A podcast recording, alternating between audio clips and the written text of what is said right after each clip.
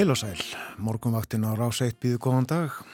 Það er förstu dagur, komin 20. og 3. september, klukkunum vanda núna 9 minútur í sjö. Umsjónamenn þáttarins þannan morgunin Björn Þó Sigbjörnsson og Gíja Holmgirsdóttir. Og uh, við lítum til veðus, aðtöðum hvernig viðraði á landinu fyrir tæpri klukkustund. Það var 60 að hiti í Reykjavík, hægur vindur 2 metrar á sekundu, suðvestan og skíjað. Logn á Kvanneri, 5 steg að hiti. Stikisólmur, 5 steg að hiti, 3 metrar á sekundu, sunnanátt. 8 steg að hiti á Patrísfyrði, hægur vindur, 7 gráður í Bólingavík, 5 metrar á sekundu þar. 7 steg á Holmavík, 5 steg að hiti á Blönduósi, 6 gráður Söðunesvita á 9 metrar á sekundu þar og fór í 17 í mestu kviðu. Fjórar gráður á Akureyri, nánast logn, allskíjað. Svipa viður á Húsavík, örlítið hlýra, fimm steg að hitti þar. Tvekja steg að hitti á Rauvarhöfn. Fimm gráður á Skjaltingstöðum og Eilstöðum, skíjað á Eilstöðum. Sjö steg á höfni Hortnafyrði, sex gráður á Kvískerjum, fimm steg að hitti á Kirkjubæðuklaustri. Sjöstega hitti á Stórhöða í Vestmannegjum og 10 metrar norðvestan, búr í 14 í mestu kviðu og einstegs hitti í Árnesi, hægur vindur. Og litið frost sumstaðar á hálendinu, einstegs frost og sandbúðum á Sprengisandi. Já, svona viðraði klukkan 6 en Gíja, hvernig verður veðrið í dag? Já, veðurhorfur á landinu það er suðvestan 5 til 15 metrar á sekundu í dag, kvassast norðvestan til. Það viða létt skíjað en skíjað með köplum vestanlands, híti 6 til 13 stig og það gengur í suðvestan 10 til 18 á morgun og 15 til 23 á annað kvöld.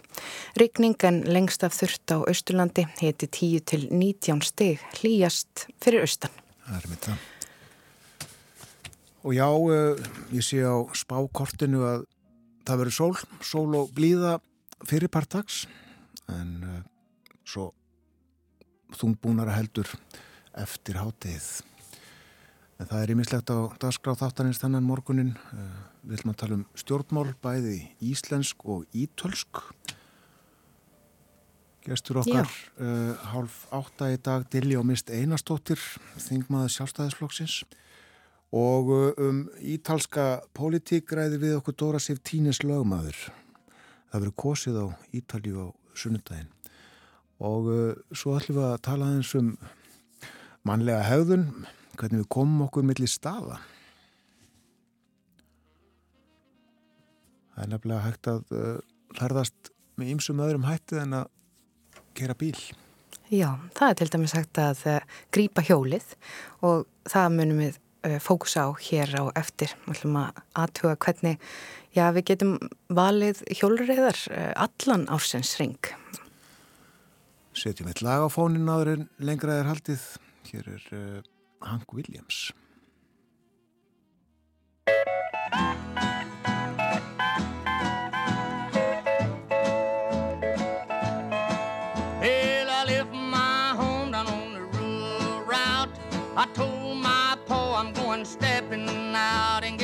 Honky tonk blues. Hey, the honky tonk blues. Hey, Lord, I got 'em. I got the honky tonk blues. Hey, I went to a dance and I wore out my shoes. Woke up this morning wishing I could lose them jumping honky tonk blues. Hey, the honky tonk blues. Oh Lord, I got 'em. I got the honky tonk blues.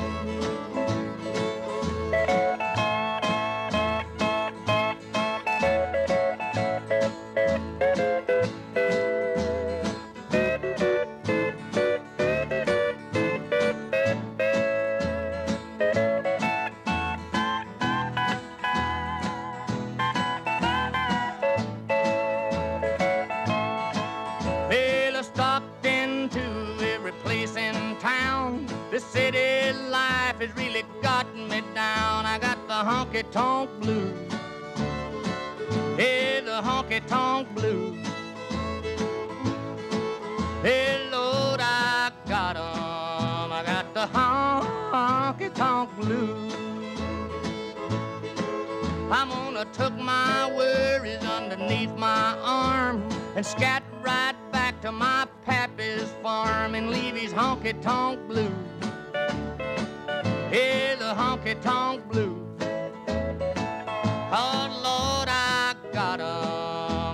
The honky tonk blues.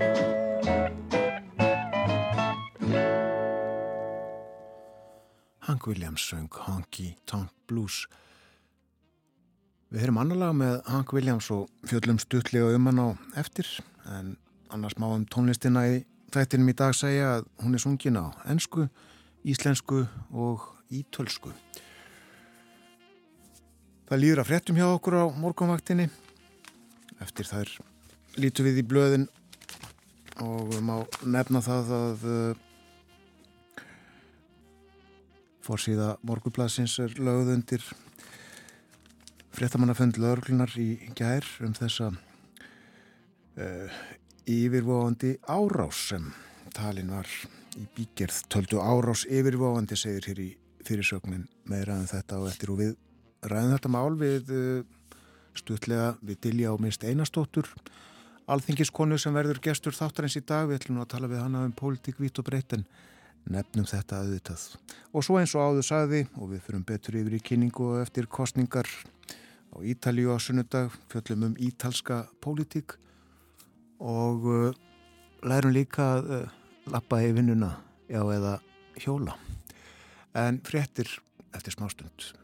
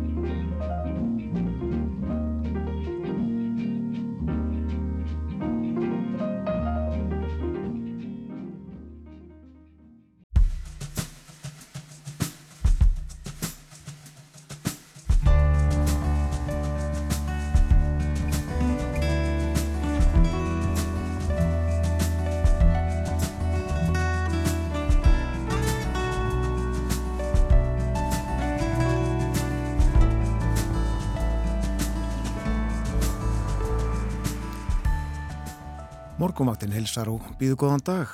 Í dag er förstu dagur 20. og 3. september. Störf alþingis eru komin í fullan gang eftir þingsetninguna í síðustu viku. Fjárlaga frumvarpið er komið til meðferðar fjárlaga nefndar. Ráþurar hafa kynnt málaskrár sínar og þingmenn lagt fram frumvörp, tillögur og fyrirspurnir. Í vetur bjóðu við til okkar þingmönnum í spjall um þeirra hugðarefni og sín. Gestur okkar í dag verður Dilja og Mist Einarstóttir sjálfstæðisfloknum. Hún verður hér upp úr hálf átta og auk áður nefndst þá fölumst við eftir viðbröðum hennar við þessari yfirvofandi árás mögulega á alþingi sem lögregla afstýrði á þriðudag. Og ítölsk stjórnmál eru líka á dasgrá. Það verður kosið til ítalska þingsins á sunnumdægin og bendir flest til þess að kona verði fósættirsráð þeirra Ítalíu í fyrsta sinn. Georgia Meloni sem fer fyrir flokki langt til hægri á pólitíska ásnum nýtur mest fylgis. Dóra Sif Tínes lögmaður fylgist vel með ítölskum stjórnmálum og hún verður hjá okkur eftir fréttir klukkan átta. Og í lokþáttar þá var það samgöngumál til umfjöllunar nú þegar henni árlegu evrósku samgöngu viku er nýlokið. En þá var fólk hvað til þess að velja sér fjölbreyttari og vistvætni ferðamáta. En svo er það auðvitað spurningin hvað þarf svo til að fleiri velji vistvætni ferðamáta allan ársins ring en ekki einungis í kringum ákveðna daga. Við veltum þessu fyrir okkur með þeim Röggvaldi Má Helgasinni frá Hjólriðafélagi Akureyrar og Pétri Inga Haraldsinni, skipulagsfulltrúa Akureyrabæjar. Og þeir verða hérna hjá okkur í hljóðveri á Akureyri uppu klukkan hálf nýju. Umsjónamenn morgunvaktarinnar á Rás 1 eru Björn Þó Sigbjörnsson og Gíja Holmgersdóttir.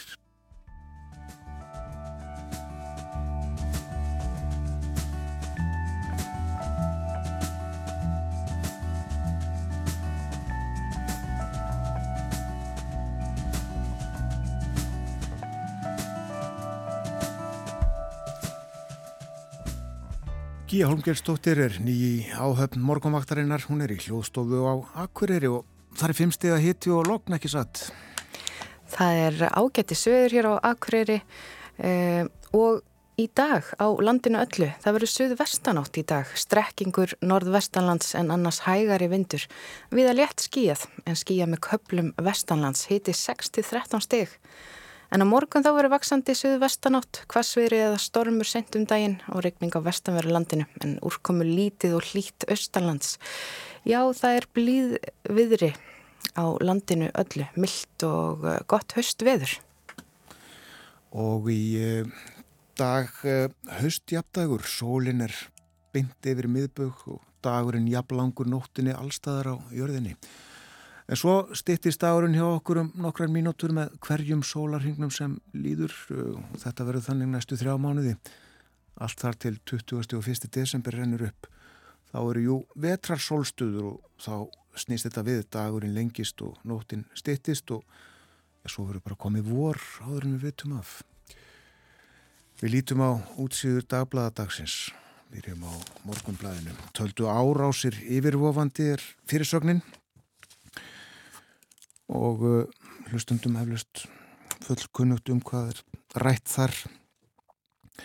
Og uh, fréttblaðsins hefst á þessum orðum. Skipulaðar árásir mannana sem sérsveit ríkislauglustjóra hann tók í umfangsmiklum aðgjörðum á þriðudag voru taldar yfirváandi á næstu dögum.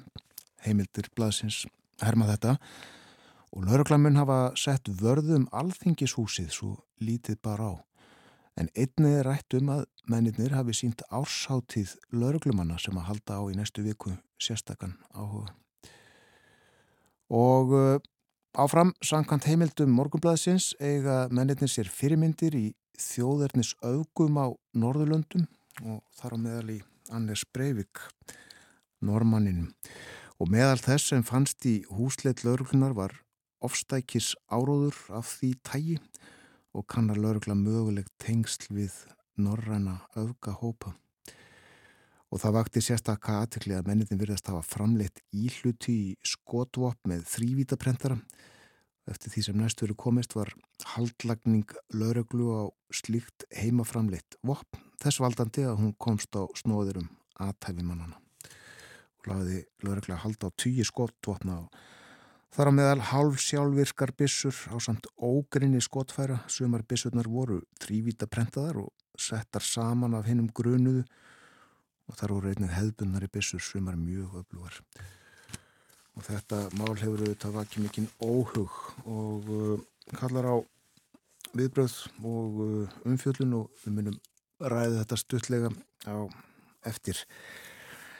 En uh, skoða hvort mennirnir tengist erlendum öfgasamtökum, segir hér eh, líka að vitnaði Karl Steinar Valsson yfir lauruglu þjón hjá ennbætti ríkislauruglustjóra sem eh, var eitt þeirra þreikja lauruglumanna sem komi fram á bladamannafundi lauruglu í ger. Við erum að virkja öll þau tengslanett sem við höfum einfallega vegna þess að við stöndum frammi fyrir atburðarás, atburðum og fyrirhugðum áallunum sem er ekki í þeim takti sem við höfum séð áður. Þannig að við að sjálfsögðu leitum þangað sem við teljum að við þurfum. Tilvittninni Karl Steinar. Og á fórsíðu fréttablaðsins má sjá uh, tól örglumenn uh, leiða já líklega annan uh, eða einn mann af þessum fjórum sem að handtakni voru á þrjúðdag tveir þeirra voru færðir fyrir dómara í gær og farið fram á tvekja vegna gæsluvarhaldi við báðum. Annar þeirra var úrskurðaður í tvekja vegna gæsluvarhald hinn í vikulónd varhald. Og uh, þetta er sem sagt myndin á, á fórsýðu fréttablaðsins þarna úr miðborg Reykjavíkur þar sem að hérastómi Reykjavíkur er til húsa en uh, domstólafrétt tengt, uh, ótengt þessum málum hér á fórstíðu fréttablasins líka.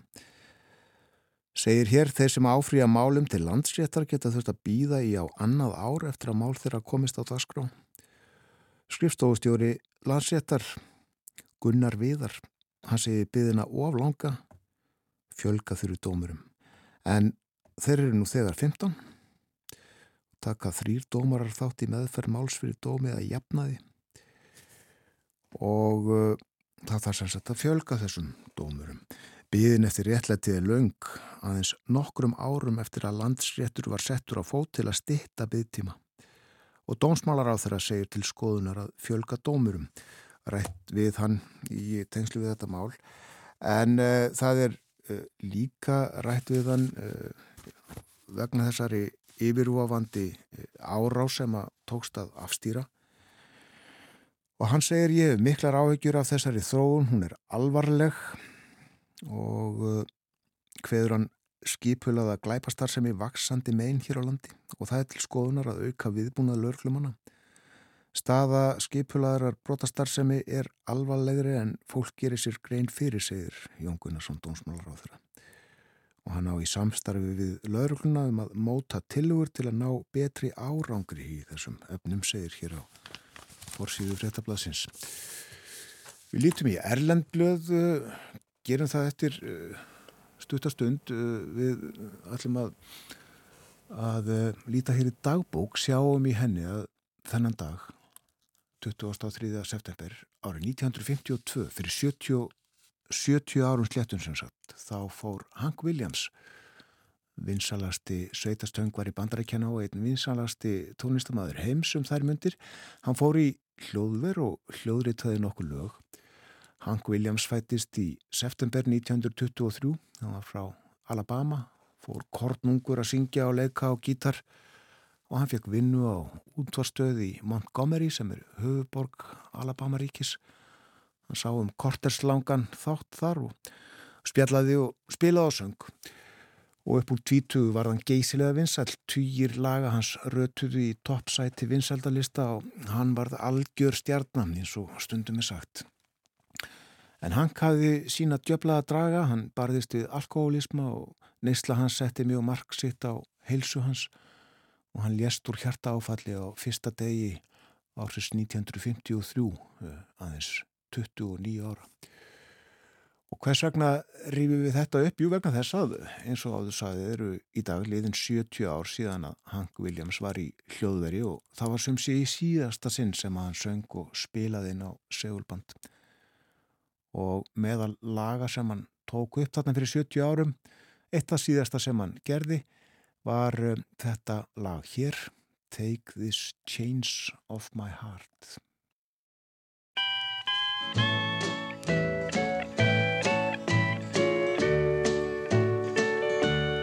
Take these chains from my heart and set me free.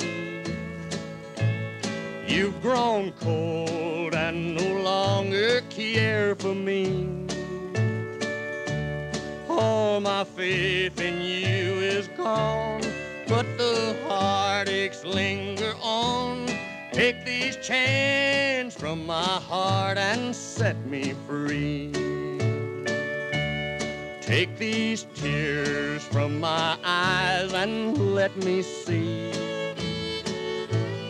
just a spark of the love that used to be. If you love somebody new, let me find a new love too. Take these chains from my heart and set me free.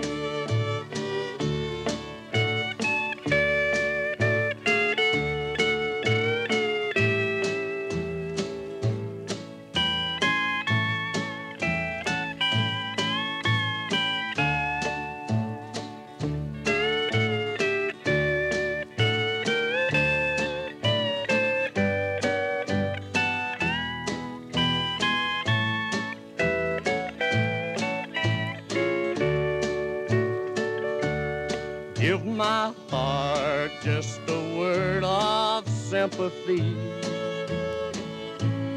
Be as fair to my heart as you can be. Then if you no longer care for the love that's beating there, take these chains from my heart and set me free. Take these chains from my heart and set me free. You've grown cold and no longer care for me. All my faith in you is gone, but the heartaches linger on. Take these chains from my heart and set me free. Hank Williams, Take These Chains From My Heart. Hank Williams átti són og Svonason sem að líka eru í tónlistinni, sveita tónlistinni. Hank Williams, Hank Williams Jr. og Hank Williams III. Svona hefur þetta gengið. Og uh, svo er að sjá hvað sá þriði gerir þar að segja eignast hann son eða á hann, hann nú þegar og heitir hann Hank og Hank Williams og verður hann þá fjórði. Við kannski reynum að komast að því einhver tíman en uh, Gíja, þú ert með uh, eh, blöðin. Já, ég er með erlendu blöðin eða síðurnar, opnar og maður sér hér í bresku miðlum og þá er nú uh, umfjöldunum vaksta hækkun ábyrrandi Eh, Englandsbanki, Sælabanki Breitlands hefur hækkað megin vexti bankans um 0,5% stig og þá eru þau kominir upp í 2,25% og hafi ekki verið herri síðan í fjármúla kreppunni 2008 og, merð, og verðbólka í Breitlandi hún mælist nú 9,9% eh, í ágúst. Um, það stóð nú til að banki myndi tilkynna um þessa vaksta ákvörðun sína 15. september en því þurfti að fresta vegna andlats Elisabetar. En uh, það er líka aðrar fréttir sem eru ábyrjandi í bresku miðlunum og svo sem miðlum viðsvegar. Uh, það, er, það eru þeir félagar Rafael Nadal og Roger Federer en, uh, en á forsýðu Guardian þá er mynda þeim líta kumpanlega á hvern annan á æfingavellinum en það er í tilöfni að hins vissneski Federer, tennisspilarinn Knái, hann er að hætta. Og þeir Nadal og Federer þeir mættus nú ofta á vellinum sem andstæðingar en núna ætla þeir að eh, já, spila saman þegar Federer kveður völlin og það er tölver spenna fyrir þessari kefni. Uh, við sjáum líka hér á fórsíðu New York Times, þar er einni fjallaðum vakstahækkanir þar í landi og eh, stendur hér að embætismenn Sæðlabankans og starfsbræður þeirra um allan heim reyna að vinna buga verðbólgunni með því að hækka vexti rætt og þau vita að það kostar sitt. En stríði Úkrænu er auðvitað líka ábrandi uh, á mörgum miðlum viðsvegar og það eru töluverðar já, svona mannlegar fréttir af þeim sem eru að reyna að komast úr landi, flýja Rúsland til þess að þurfa ekki að fara í herin það hafa að mynda straðir á landamærum og flug seljast upp eftir að Pútín Rúslandsfostæti bóðaði hér hvaðningu. Þannig að stríðið komið heim í stofu almennings og Guardian fjallar til dæmis um viðbröð ungra rúsa. Það eru fjallar þar um alls konar leiðir eh, sem að er reyndað að fara til þess að komast hjá herrkvæðningunni. En á vega Guardian er líka fjallað um eh, Ísland. Það er verið að fjalla um handtökurnar. Þannig að það mál vekur aðtekli víða. Já, ratar í Guardian. Já.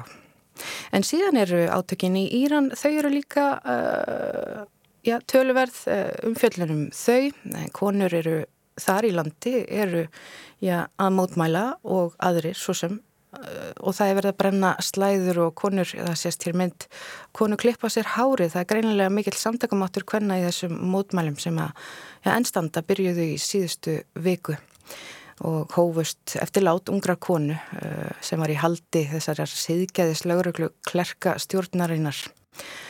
Og uh, yfirveld sögðu að hún hefði fengið hjarta áfall en það bendur auðvitað allt til þess að hún hafi já, verið einfallega barinn til bana. Um, og þetta var allt saman út af myndum brotum á ströngum lögum klerkastjórnarinnar um klæðaburð Þetta er svona það sem er helst en ef við lítum á ítölsku miðlana, við ætlum að þetta fjalla um kostningarnar á Ítalíu nú á eftir og ég opna hér eh, vefsíðu La Repubblica. Þar stendur L'Italia a noi eða Ítalja til okkar. Nú ekki alveg ljóst eh, í hvernig verið að vitna en það er verið að, að það eru þetta mikil umræða á meðal þeirra sem að já, verða líklega við stjórnvölinn þessi miðju hægri öll að, eh, að það er hugsunin, hugsunin er heim. En síðan er líka ábyrgandi á ítölsku síðanum, það eru upplýsingar um hvernig á yfir hefur að kjósa. En það er talið að kostningabaróttan, eða kostningaþáttakan, hún verði heldur dræm og svo er óákveði fylgi, það er 40%. Þannig að það eru, já, ímis spurningamerki varðandi kostningarnar á Ítali og, og, þeir geta farið. Það er þetta ókvæmna fylgi sem að, uh, já, getur leitt til ímis konar útkomu en, en auðvitað er talið að, að Giorgia Meloni muni taka sigurinn með í sínum flokki Fratelli d'Italia eða Bræðralag Ítalju. En þetta er svona það sem er helst uh, á bói í, í erlendu miðlunum. Jú. Má bæta við að uh, það er glada solskín á Ítalíu akkurat núna þar að segja í Rómaborg. Uh, Hittin verður þó ekki nema 23 gráður sem er nú ekki sérstaklega mikið á þeim slóðum. En á sunnudag, uh, á kjördag, þá verður helliríkning í Ítalsku höfuborginni. Já. En við ætlum að heyra næst Ítalslag. Þetta er lag sem að ég margir kannast við. Eh, þetta lag sigraði Evrósku söngakefnina árið 1964. Það verið henn unga Gigliola Cinquetti sem að flutti lagið. Þá var kefnin haldinn í Kaupmannhöfn í Tívolíinu, konsertsalunum þar. Og þetta lag er auðvitað já, best þekkt hér á Íslandi í flutningi Eljar Viljáms, Heyri mína bæn. En það má líka bæta við að söngakefnin, hún var upprunalega byggð á ítölsku kefninni, Festivaldi San Remo en söngvakeppnin Evróska e, er nokkus konar saminningatákn Evrópu eftir átök heimstyrjaldana og e, já, það er nú svona e, líkur á að, að, að, að stjórnmálin á Ítalið munu horfa svolítið tilbaka til þess tíma. En við skulum heyra læð Nonno Leta með Gigliola Cinquetti. Thank you.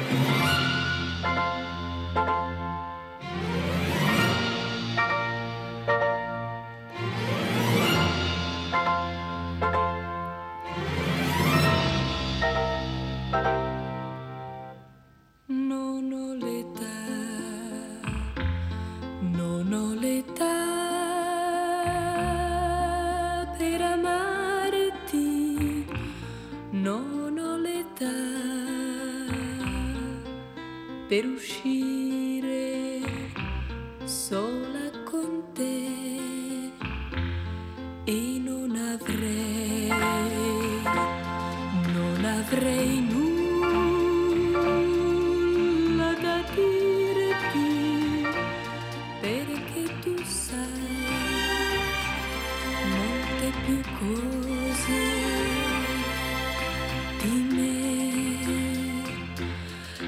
acha que eu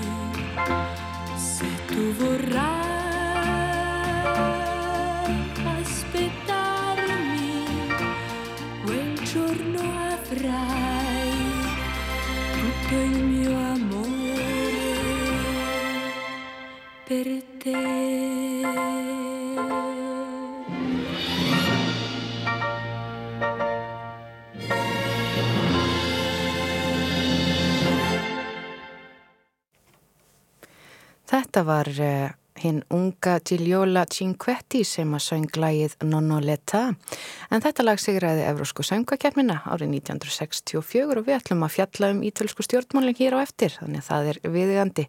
En svo heyrum við líka ítöl, eh, sagt, íslensku útgáfuna heyrum mína bæn í flutningi Eljar Vilhjálms hér setna í þættinu. Uh, lestri á erlendum blöðum áðan var uh, sagt frá fréttum frá selaböngum bæði Breitlands og Bandareikjana fjallaðum vakstahækkanir í þeim löndum. En í morgunblöðin í dag er frétt úr Selabanka Íslands en aldrei þessu vant ekki um vexti. Nýið verðbólgu. Nei, e, þar var ekki er lítil aðtöp afhjúpað málverk af Davíð Ottsinni fyrirvirandi Selabankastjóra og uh, er mynd af málverkinu í blæðinu í dag og uh, Davíð með fjölskyldu sinni og svo líka önnur mynd með Davíð og núverandi selabankastjóra og uh, hún meður tekist býtna vel upp Stefan Lárusi Stefan listmálara Davíð þarna í brúnum jakka og brúnni skýrtu og situr í brúnum stól eða sofa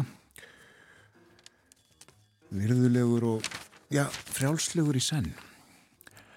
Það líður að yfirliti frétta hjá okkur hér á morgunvaktinni. Eftir það verður gestur þátturins Dilli og mist einastóttir alþingismæður.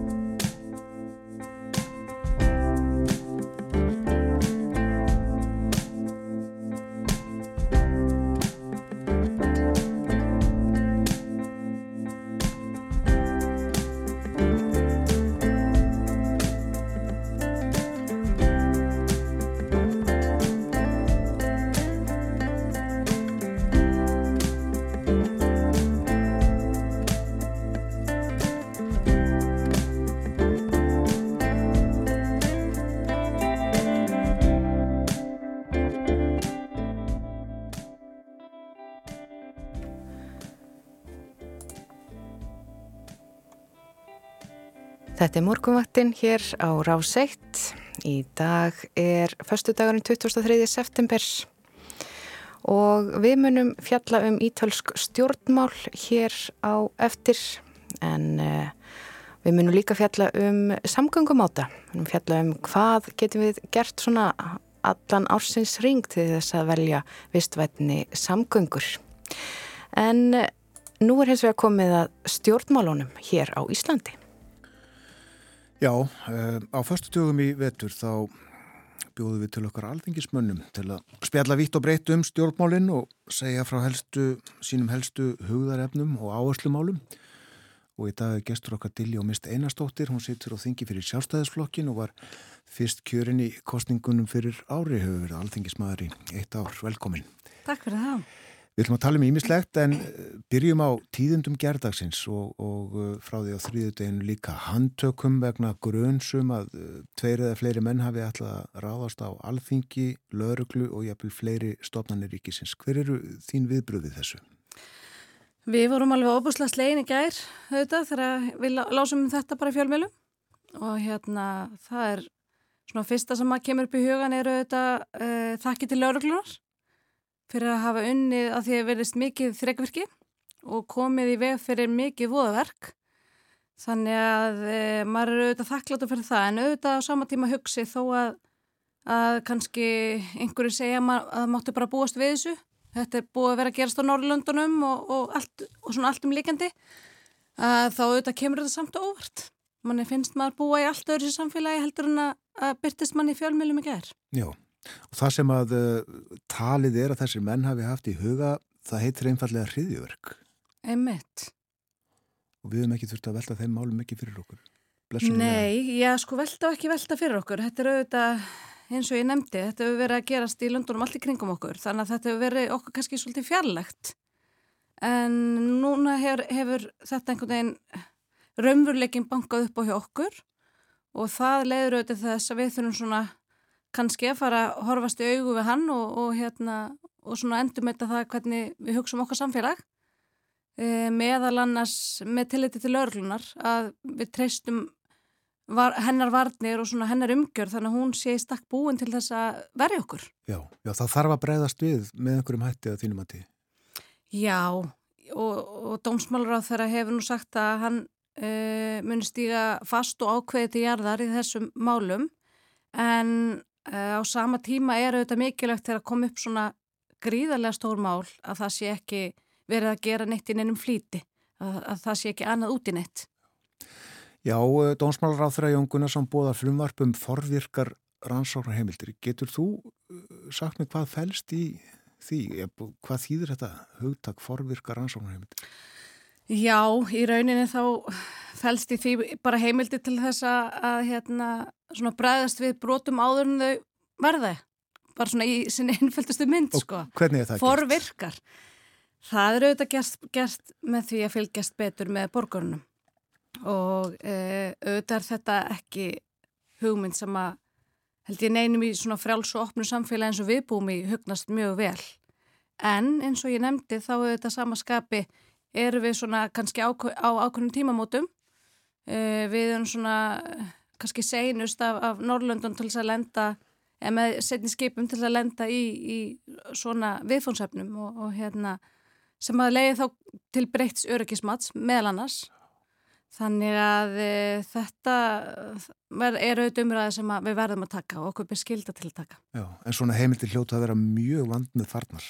Mjög, svo ekki sé nú meira sagt það er auðvitað mjög vandmeðfarnar og, og hérna og ég get bara sagt það fyrir mig að þetta er auðvitað eitthvað sem að mér ekki hugnast mjög vel.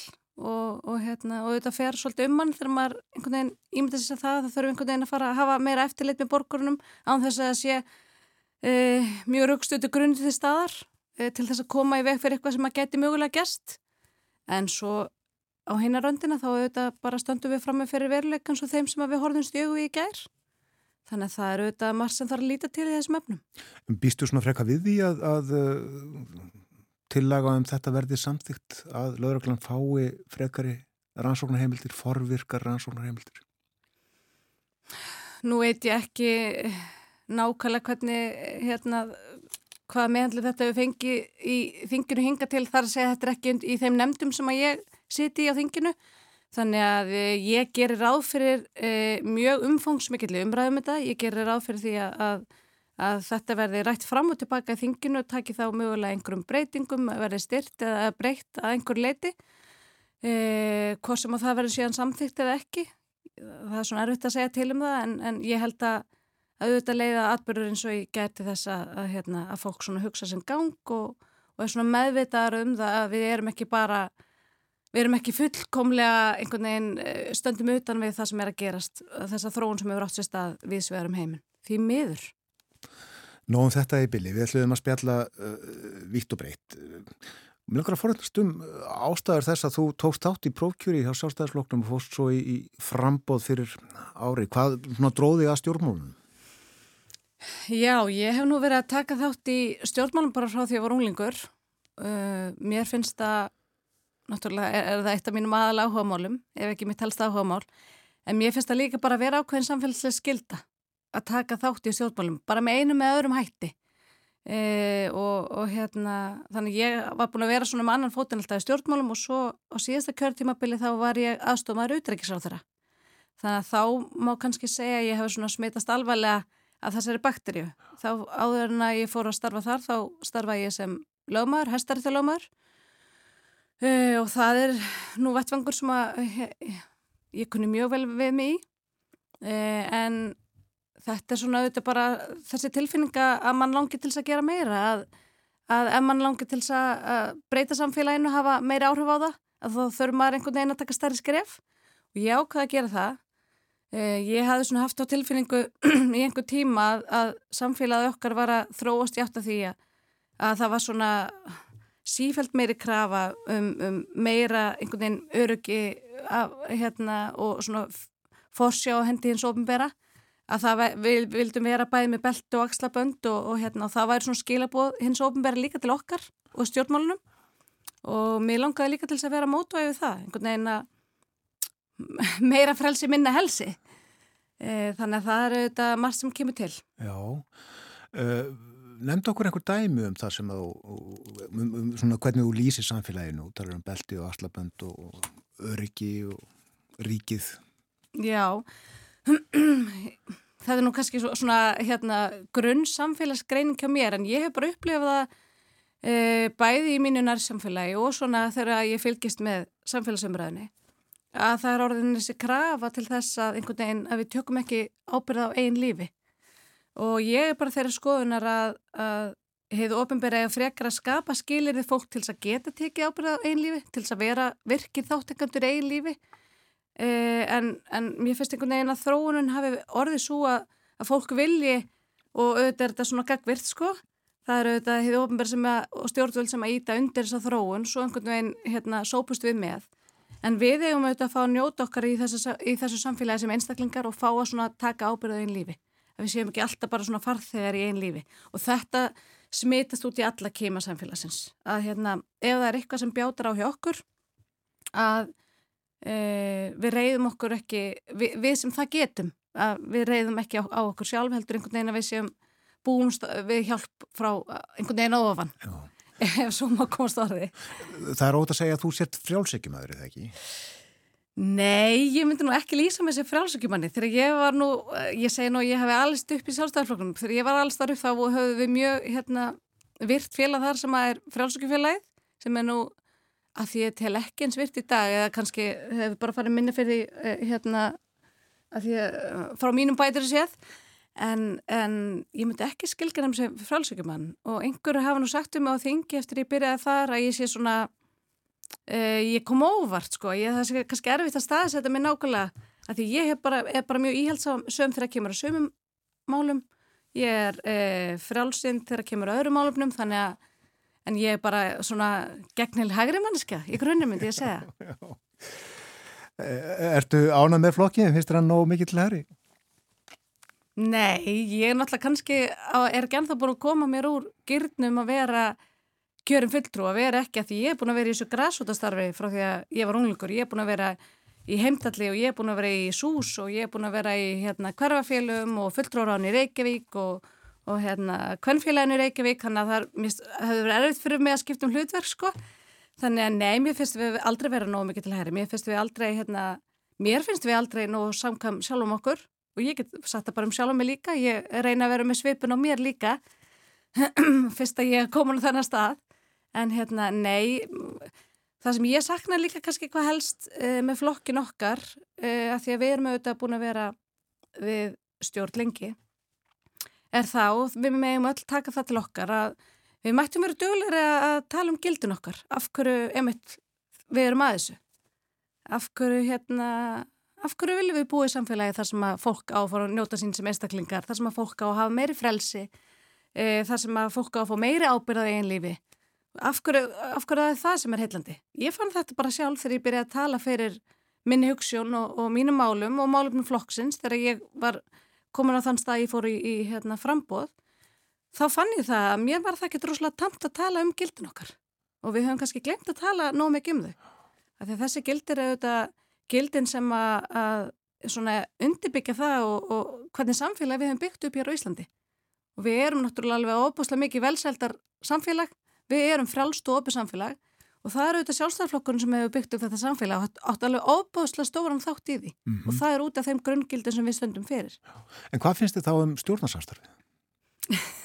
Hvernig hendar það eh, þér Já. og þínum hugsunum? Það reynir á eh, en það var auðvitað svar við háværu ákalli um svona stöðuleika og meiri sátt í samfélaginu, um minni átakastjórnmál og ég held að við höfum svarað því kallið mjög vel. Það er að segja, ég held að við, við höfum sínt það að það er hægt að vinna saman í stjórnmálunum mjög, með mjög breyðri skýrskotun, bara frá hérna, hægri til vinstri og mér finnst það að gera það mjög vel. Og einhverjir hafa spurt að því og maður heyri það alltaf reglulega því sem fleikt fram og ég heyri þetta náttúrulega í þinginu mjög mikið, að þetta sé svona stjórnmálstöðununar að þetta sé samstarf um, það, um samstarf um kyrstöðu og þá langar mér til þess að benda á málflokk sem að ég er mjög hrifin af og mjög glöða er komin í okkar fang, fangaftur sem er umhverjismálun. Það er nú ekkert að segja það frá því að við fengum hann í fangið að, að, að, hérna, að þetta sé kyrstöðu stjórnmál sem við erum að stunda á alþengi og við, við sjálfstæðsflokkurinn. E, það, það er búið að rjúfa nýjára kyrstöðu og loksins búið að gera rammasamning. Það er búið að ráðast í rosalega miklar breytingar og mingun á regluverki. Núna standafærið þrifum þar e, svona mikla skipulagsbreytingar þar sem er verið að minga báknið samin að stopnanir, bara nákvæmlega það sem við í sjálfstaflokkum stöndum fyrir. Einhvern veginn að ráðast í verkefnin og, og hérna, gera það af heilendum og með okkar stefnu svona e, að leðaljósi. Þannig að, að ég myndi til dæmis ekki, ekki segja að Guðlaug Þór staði fyrir, fyrir hérna, stöðnun eða, eða kirstuðu stjórnmálum. Nei. En til og með segð okkur þá frá uh, þeim málum sem þú ætlar að uh, leggja áherslu á og leggja fram í vettur.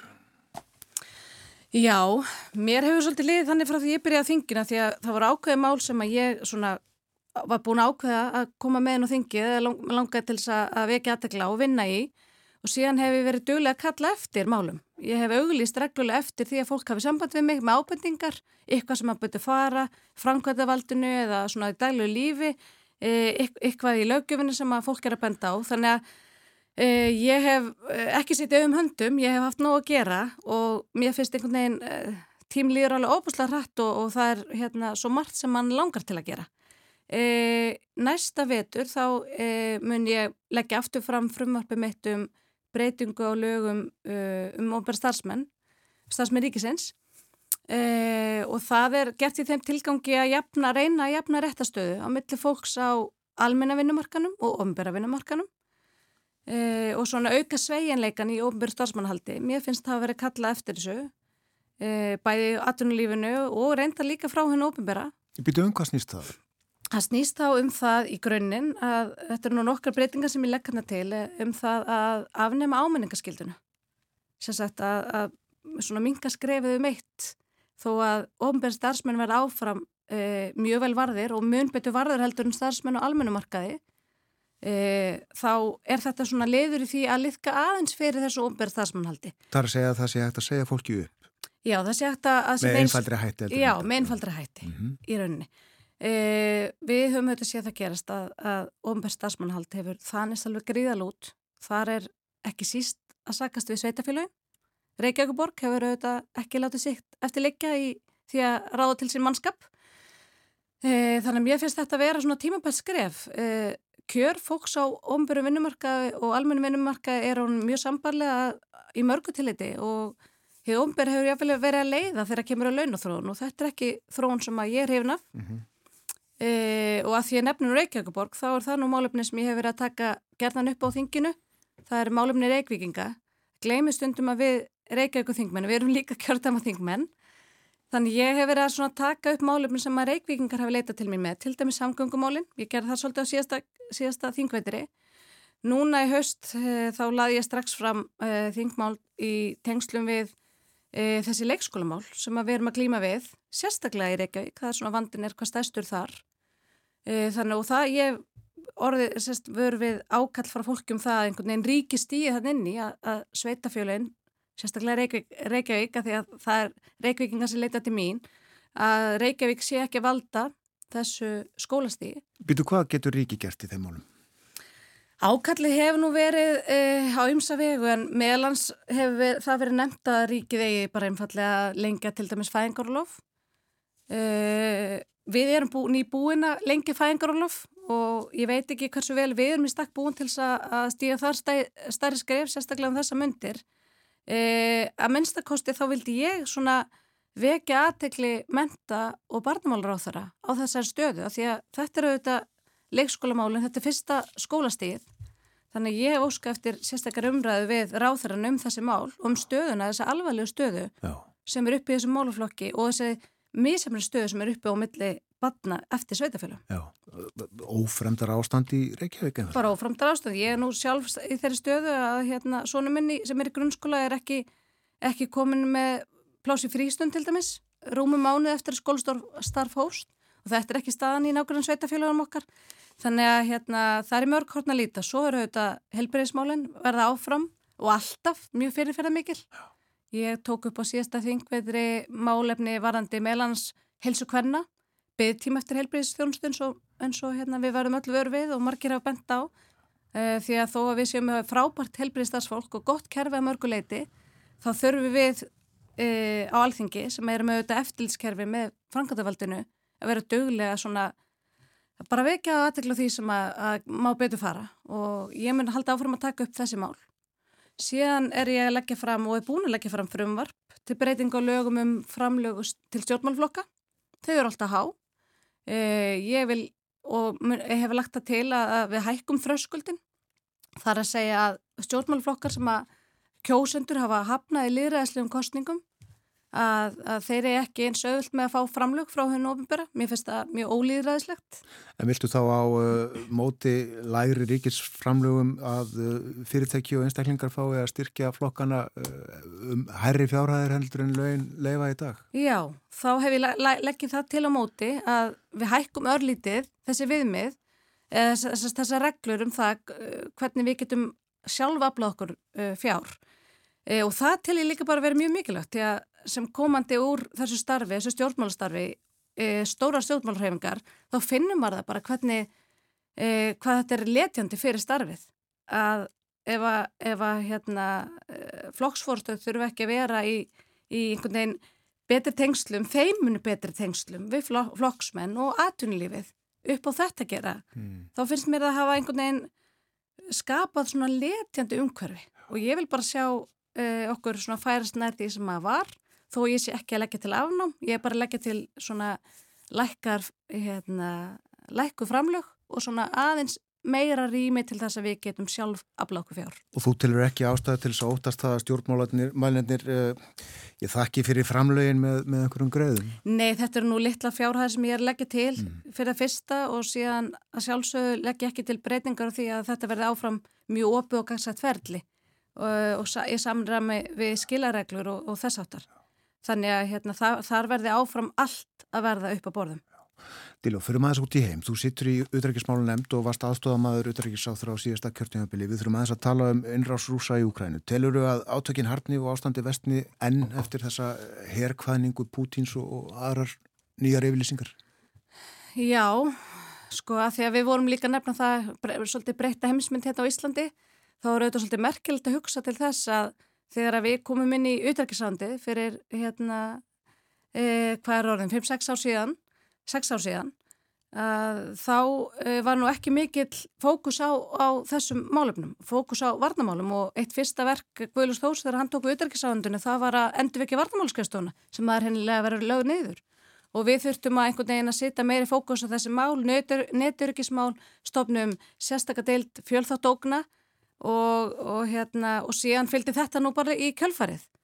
E, og ég held að þetta hafi verið rétt skref á, á réttum tíma að stíga og þú spyrðum ástanda í Rúslandi, það hafi verið, ég var nú að ræða þetta hérna, heima hjá mér að því ég líti börn og, og hérna, þau heyra af þessu stríði í skólanum og þau spyrja gerðan um þetta og við tökum þessu umræðu heima og ég var að sína myndir af hérna af e, e, þessum bílalestum sem að núna liggja út úr uh, Rúslandi og yfir landamærin. Já, fólk að flýja landi. Já, og manni finnst þetta svo skelvilega átakilagt því að við erum auðvitað og, og hérna, nú sittur Evrópa undir uh, árásum frá uh, Pútín og við erum að reyna að vanda okkur að, að, hérna, að gleima því ekki að auðvitað eru rússar góðu vina þjóð okkar og hérna, e, þetta er fólk alveg svo við og fylgjast með þeim í þessum aðstæðum og auðvitað hefur við verið að fylgjast með ræðilegum átökum í Ukrænu og, og öllu því sem hefur dunni á þeim en hinn almenni borgari í Rúslandi hefur auðvitað ekkert viljað með þetta að gera. Þetta, þetta sínir mann það.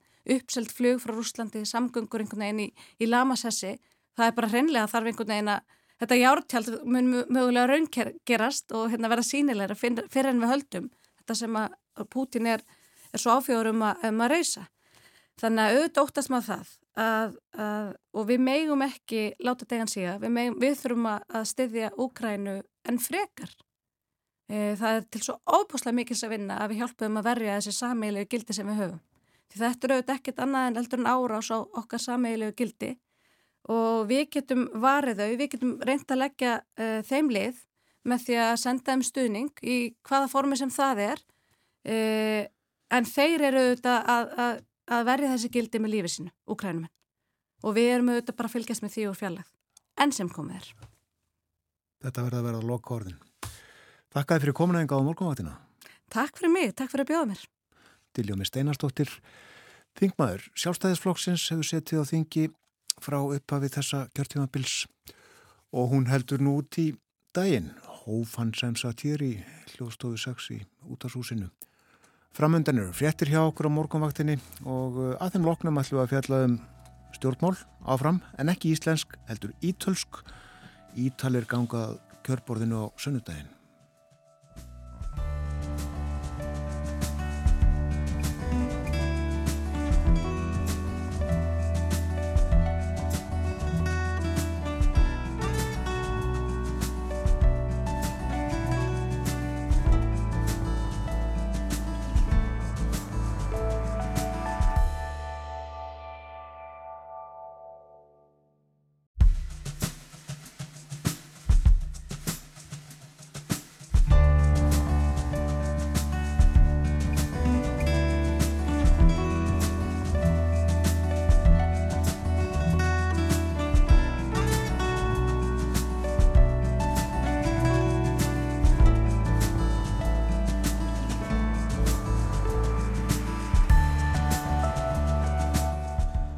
Aftur þýrða að hlusta á morgunvaktina á Rás 1. Það er förstu dagur í dag 23. september og klukkan farin að ganga nýju. Dilja og mist einastóttir, þinkona sjálfstæðisflokksins var gestur okkar fyrir morgun. Við spjöldum vitt og breytt. Um uh, hana svo litið ástæður þess að hún fór út í stjórnmál og hennar helstu hugðarefni en uh, einnig fengum við viðbröð hennar við uh, þessum árásum sem voru yfirvofandi en lauruglu tókst að afstýra á þriðudag. Tölum líka um innrás rúsa í Úkrænu. Við stefnum á því að fá alþengismenn til okkar á förstudagsmórnum í vetur og rappa vítt og breytt. En uh, á eftir ætlum við að tala um samgöngur. Uh, flestir ferðast allra sinna að ferða á engabílnum En það er uh, svona rík kvartning af og ofnbæra til fólksum að breyta ferðaháttum, hjóla í vinnuna, lappa í vinnuna að fjallum þau mál á eftir. Ítölsk stjórnmál til umfjöllunar eftir smástund en uh, Gíja, uh, þá farið við veðurhorfur dagsins undir lokfréttatímans hér áðan en hvernig verður veðrið um helgina? Já, á morgun á lögadag þá er vaksandi suðvestanátt, hvassviðri eða stormur sendum daginn. Og það er regning á vestanverðu landinu, úrkomin lítið og hlýtt austanlands. Og horfurna fyrir sunnudaginn þá snýst í norðan og norðvestan kvassveðri eða storm lægir vestan til eftir háti og bætir í vind fyrir austan slitta eða snjókoma á norður og norðausturlandi en þurft annar staðar hiti 1 til 10 stig og dregur úr vindi úrkomi um kvöldið á sunnudaginn. Svona hljómar veðurspáin fyrir helgina. Það fer kólandi Og það regnir í Róm á sunnudagin en þá ganga ítalir að kjörborðinu kjósa til Þings. Kostningarna fara fram í kjölfar afsagnar Mario Draghi, fósættisráð þeirra í sumar þegar ekki náðist einingum áætlun hans í efnaðasmálum. Draghi sem var áður bankastjóri Sælabanka Evrópu og þar áður Sælabankastjóri Ítalíu var fósættisráð þeirra í eitt og hálft ár eða þar en bil og það er um það bil sá tími sem fósættisráð þeirrar Ítalíu hafa setið að meðaltali síðustu áratvíi. Ég held að 69 ríkistjórnir hafi setið frá stríðslokum 1945 en til samanbörðar hafa á sama tíma starfaði kringum 30 ríkistjórnir á Íslandi. Já, og til að fjalla um kostningarnar og ítölg stjórnmál almennt er hinga komin í morguvaktina Dóra Sif Tínes lögmaður en hún fylgist grant með ítalskri þjóðmála umræðu og hefur oft valið á Ítalju um lengri og skemmri tíma. Verður velkomin. Takk fyrir. Uh, ef við byrjum á, já, er hægt að útskýra uh, þannig pólitíska óstöðuleika á Ítalju, þessi tíðu stjórnarskipti? Já, ef ég ætti þið eina rétt að svara þá verður ég nú öruglega hérna, margverlunar stjórnmálurrengur sem ég er ekki en kannski sko rótin eh, getum við sagt er að þegar að ítalska lífvildir er stopnað í kjölfar setnastriðs að þá uh, er kannski bæði sko, stjórnaskráin og uh, kostningalögjöfin svolítið hönnu með það markmið að koma í vekk fyrir uh, sem sagt komur að segja, endur komið fasisma.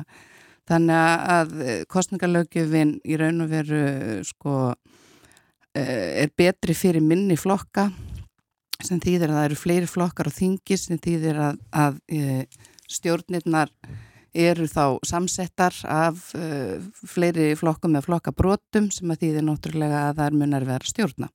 Síðan uh, hafa, sagt, uh, það hafa verið tilröndir til þess að breyta löggefinni og sagt, í raun veru auka stöðurleikan. Það er þrýgang búið að breyta kostningalögum og Núna síðast til dæmis undir fórstu Giuseppe Conte sem er núna formaður fimmstjórnirhefingarinnar þá var semst þingsætum fækkað bæði í, sagt, hérna, í neðri og efri deilt ef að svo maður segja.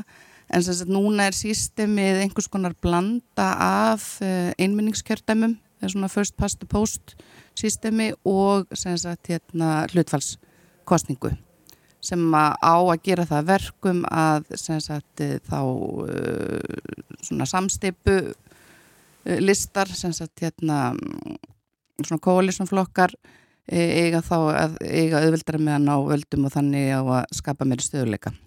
Það hefur kannski ekki alveg gengið eftir uh, en hérna þetta er svona stuttumáli kannski bakgrunnurinn. Já, þetta var um kerfið, en uh, þá að pólitíkinu og hvernig hún er praktiserð á Ítalíu, eru stjórnmálinn þar, já hvað, yfirveguð eða eru þau átakamið, er mikið plottað í ítalski pólitík, eru þau populísk? Egu ekki segja þessu bara allt þetta í bland.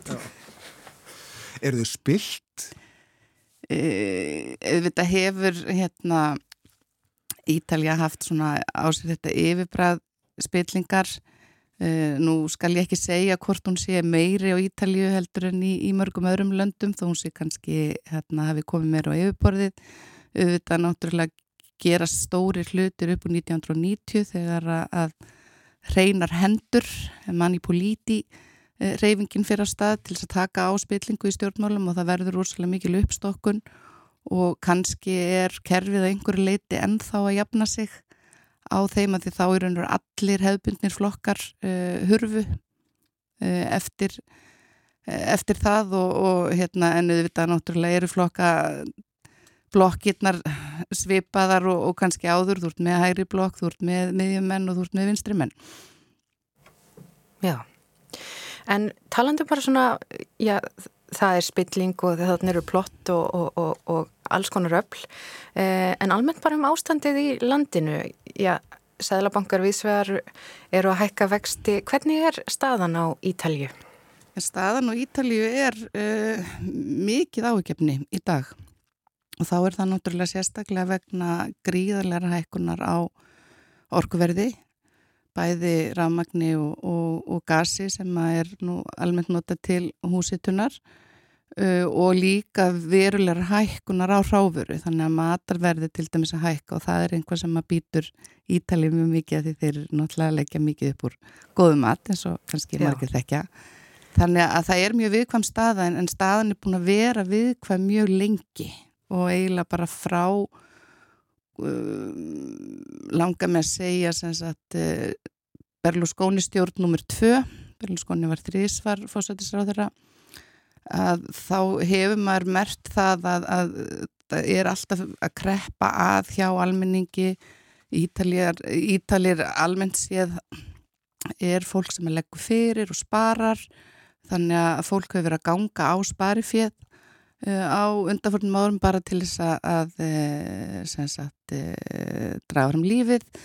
Þannig að ástandi er búið að vera erfitt í töluverðan tíma og síðan náttúrulega skellur COVID á eins og við munum með afskaplega miklum þunga á Ítalju við talum ekki um vegna þess hversu hérna, ferðamanniðin er, er mikilvægur í, í, í, í því sambandi. Þannig að, að það er búið að vera viðkvæmt ástand og þetta stríði í Úgrænu er náttúrulega ekki að hjálpa til Nei. Er atvinnleysi mikið í landinu? Um, sko atvinnleysi hefur farið svona upp og niður það er kannski aðal vandamáli er atvinnleysi ungsfólks og þá sérstaklega ungsfólks sem að, að hefur uh, mentað sig Þar hérna, hefur verið viðverandi erfileikar og margir leita erlendis. En núna til dæmis eh, eftir að, að landið opnaði eftir COVID þá hefur til dæmis verið vandamál mannekla og sérstaklega þá í lálennustörfum eins og í ferðmanniðnaði. Eru þetta stóru málinn í kostningabarátunni, eh, efnaðas ástandið og, og bara hagur fólks almennt? Já, stóra málið er náttúrulega orkuverð. Það er náttúrulega það sem að 90% ítala segist að hafa ágjur af og það náttúrulega spilar inn í allt, það spilar náttúrulega inn í hækkun kostnaðar hjá fyrirtækjum, tegir ánga sína út um allt samfélagið og, og Ítalir er náttúrulega í þeirri stöðu að, að hérna, áður nöfndu Berlusconi gerði náttúrulega ráðstafanir sem að uh, urðu til þess að þeir urðu alfari háðir rúsum í gaskaupum uh, sem sagt þeir eru ekki með sko örugar varaliðir uh, þannig að ástandi er mjög þröngt, þess staðan er mjög þröng. Já, en svo er þetta með, já, Norður Ítalíu og Suður Ítalíu, maður ekki að segja að þarna séu bara eiginlega tvær óleikar þjóðir, um, þó auðvitað séu þetta einn Ítalíu. Hvernig svona, já, kemur ástandið þarna á, í Norðri og Suðri inn í þessa kostningabaratu, ólíkt ástand þessara svæða?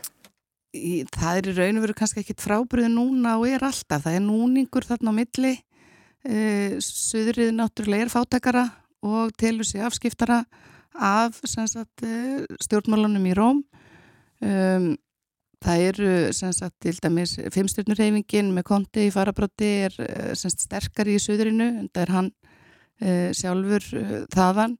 Uh, Norðubandalagi eða lekan er náttúrulega hérna, stopnu til þess að gera Lombardíu að sé ríki þannig að hún er sterkar í norðinu en það er kannski ekki, það er kannski ekki sko aðal átaka punkturinn norður og söður mm. í þessum kostningum Nei En hvernig hefur kostningabaráttan, já sko, nú er hún Giorgia Meloni, greinilega, já, hún er að fljúa ansi hátt, hvernig uh, myndur þú lýsa þessum uh, þessum kandidat sem að verður vantanlega líklegast fyrsta kona fórsetisráþur á, á Ítalju?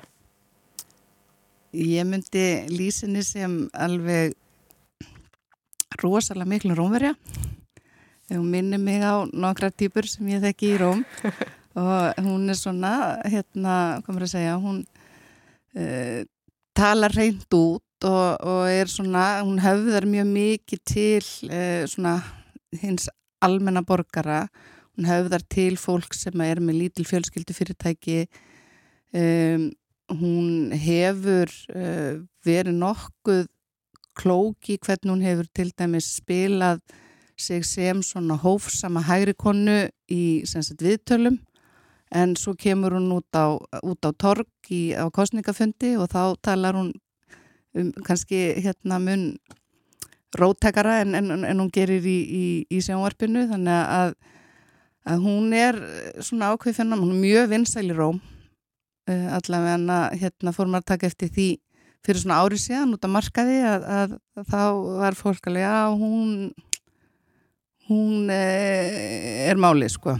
Já. hún höfða svona hún... til, þessi, til, mm. þessa svona já, almennings. Svo klæðist hún alltaf kvítu hvers vegna er það? Já, það er öruglega bara þegar kemur út í sjónvarpi. Já, það getur vel verið. Ég held að sé ekki ég held að sé nú engin svona hérna, ideológisk ástæði fyrir því En búðar hún uh, sínist til lausna á þessu orkuverði? Til hún sé ekki að lækka það? Já sko þau voru að lýsa því yfir. Það var hérna sem sagt eh, hægri blokkin var að ljúka kostningaherrferinni í gær á stórum fundi á Popolo í Róm.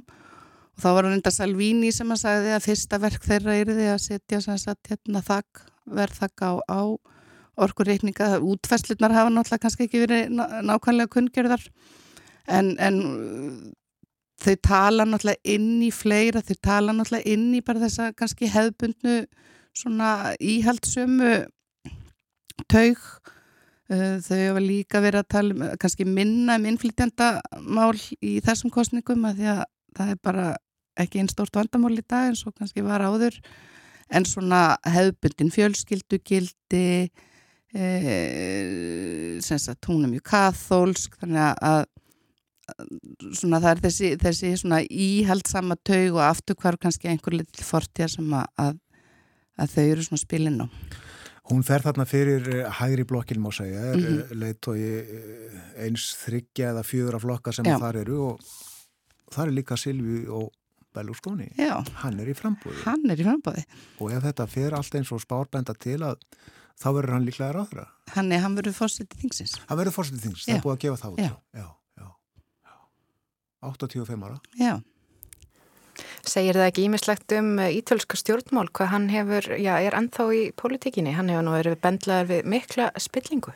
Ég veit ekki hvort að segja eitthvað meir um ítölsk stjórnmál heldur en bara kannski heimsmál almennt, sko. Ég menna hann er náttúrulega kannski svona fyrsti populistinn, hann er náttúrulega svo sem að kemur fram á sjónasviðið eh, náttúrulega margt sem að svipar til hans og, og Trumps, hann er náttúrulega ríkimæðurinn sem ætlar að koma og retta efnahöfnum og allir segja já hann er svo ríkur, hann þarf ekki að stila hann um peningum, hann getur bara hérna séðum þetta fyrir okkur. Og ef hann getur ekki fyrirtæki þá getur hann ekki land? Já, mm -hmm. það reyndist ekki alveg kannski hérna rétt niður staða, allavega áttan í einhverjum erfileikum með að reyka land.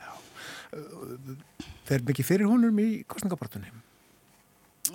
Nei, það er náttúrulega Meloni er sett eh, í, í frontin því hún er svo sem maður nýtur mestra vinselda en síðan hefur maður séð kannski svona komar að loka metrunum að þá ber ásmá núningja millir hennar og, og Salvini sérstaklega varðandi refsið að girka hvert Rúslandi og, og stríði í Ukrænu þar sem að Salvini hefur verið svona að draga úr að þess að refsið að gerir síðan og kannski ekki skinsamar og þær býti Ítali meira en rússa hún hefur verið svona nei við erum hérna sagt, staðföst í okkar sagt, uh, samstarfi við bæði Europasambandið og, og NATO. Uh, Berlusconi kemur náttúrulega hann, hann fór nú á TikTok um daginn. Já, já, já fylgist hann, með. Já, en hann sagði nú, hérna, hann vildi nú segja hérna ungum drengjum, hann verði nú ekki á TikTok til þess að reyna við kæristuna þeirra, heldur til þess að afla atkvæða, þannig að Hann er nú sami við sig. Já, akkurat. En það hefur verið talað um það að, að, að þetta farir svona og að Meloni verði fósættisáþra er sko munar miklu á hærinu og vinstrinu í skoðanakoninu. Já sko vandamálið kannski hjá vinstrinu er eins og svo oftið til vera það er náttúrulega minni eining. Sagt ef við tökum hægri vinstri þá ertu með semst vinstri blokk sem að Partito Democratico sem er svona þessi klassíski sósjaldemokratíski flokkur leiðir. Uh, þeir eru að mælast í um 20% nota benið það er ekki gefnar út skoðanakannanir uh, sem sagt hérna, réttri kostningar þannig að skoðanakannanir eru nú einhverja allavega vikna. Uh, síðan ertu með náttúrulega fimmstjörnurhefinguna sem, sem að Giuseppe Conte liðir sem að er eini flokkurinn sem að hérna, býður eitt fram. Er ekki í neinu bandalagi með neinum og þau hafa nú verið að bæta sig, það var náttúrulega Conte sem að sprengti ríkistjórndraki og almenningu var nú kannski ekki bara sáttur við það, það var enginn sem hefði áhuga á þessum kostningum nema stjórnmálmenn en hérna konti var að mælast með held ég eitthvað um 13-14% og svo ertu með Terzo Polo sem er sérst, hvað, þriðji hérna pótlinn sem eru fyrfirandi sósjaldemokrater sem að núna segast vera miðjumenn. Mm. þar ertu með Matteo Renzi og Carlo Calenda.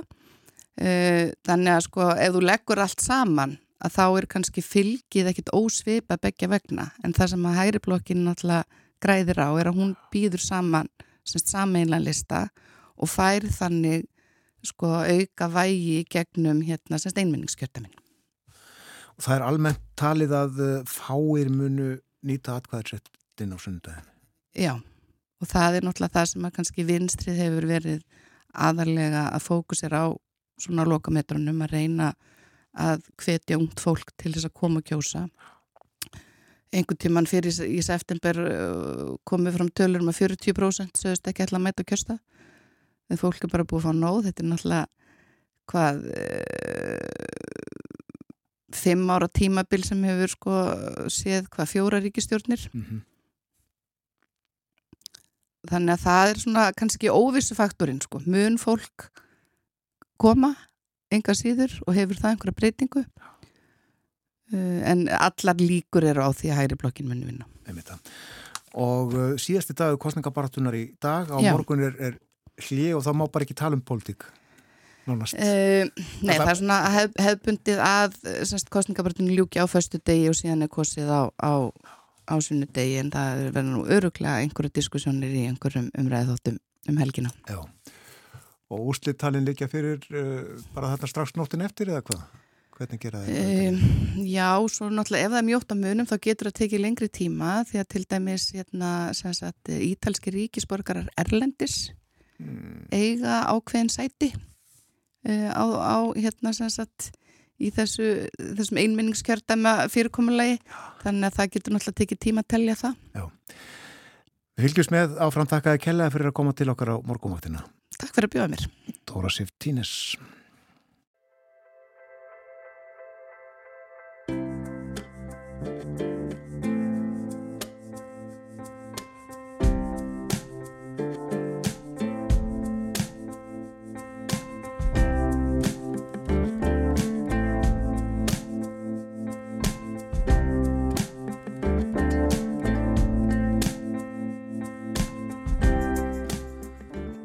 Aftur þegar það hlusta á morgunvaktina klukkan réttliðilega hálf nýju það er förstu dagur í dag. Ítölsk stjórnmál til umfjöldunar hér á það verður kosið á Ítalju á sunnudaginn og uh, engin sérstakur áhugi á pólitíkinni og kostningunum í landinu. Búist við dræmri kjörsók Dóra Sif Tínes lágmaður var hjá okkur. Hún þekkir vel til mála á Ítalju og fóru við sviðið Fyrir morgun voru íslensk stjórnmál á dagskrá. Það var til í ámist einastóttir þinkona sjálfstæðisflokksins gestur. En uh, við ætlum í vetur að fá til okkar þingmenn á första dögum og spjalla við á vitt og breyttum stjórnmálinn og uh, þeirra mál, þeirra þingmál. Nú hugum að veðurhorfum dagsins, um, það verður ágættis veður í dag, viða létt skíjað, skíjað þó með köplum vestalands og hiti að 13 stegum, nokkuð kvast norðvestan til, vindræðin að 15 metrum á sekundu. Á morgun hversis og enn og uh, jáfnvel 23 metrar á sekundu annað kvöld, uh, það mun regna talsvert en verður þó þurft austan til fram á kvöld. Og hiti á morgun 10 til 19 stig það má búist til 19 stig að hitta á Östurlandi en svo er það sunnudagurinn. Þá snýst í norðan og norðvestan kvassviðri eða storm. Lægir vestanlands eftir hátegi og slitta eða snjókoma á norður og norðausturlandi. Ört kólnandi viður spáan fyrir sunnudaginn. En nú ætlum við að tala um uh, samgöngur, samgöngum áta hvernig við komum okkur á milli staða Já, það er sem sagt í gær þá uh, laukinni Evrósku samgönguviku, þetta er árleg, svona, árlegt átagsverkefni, þá var fólk hvað til þess að velja sér fjölbreyttari og vistvætni ferðamáta. Og uh, já, og svo er það spurningin hvernig er hægt að uh, gera þetta allan ásins ring en ekki einungis í kringum ákveðna daga? Og við ætlum að setja fókusum svolítið á hjólreiðar og þeir eru komni ringað í hljóðver uh, á Akureyri, Rökkvaldur Máur Helgason frá hjólreiðafélagi Akureyrar og Pétur Ingi Haraldsson, skipulusfulltrúi Akureyrar, veriði velkomnir báðið tveir. Takk, takk fyrir.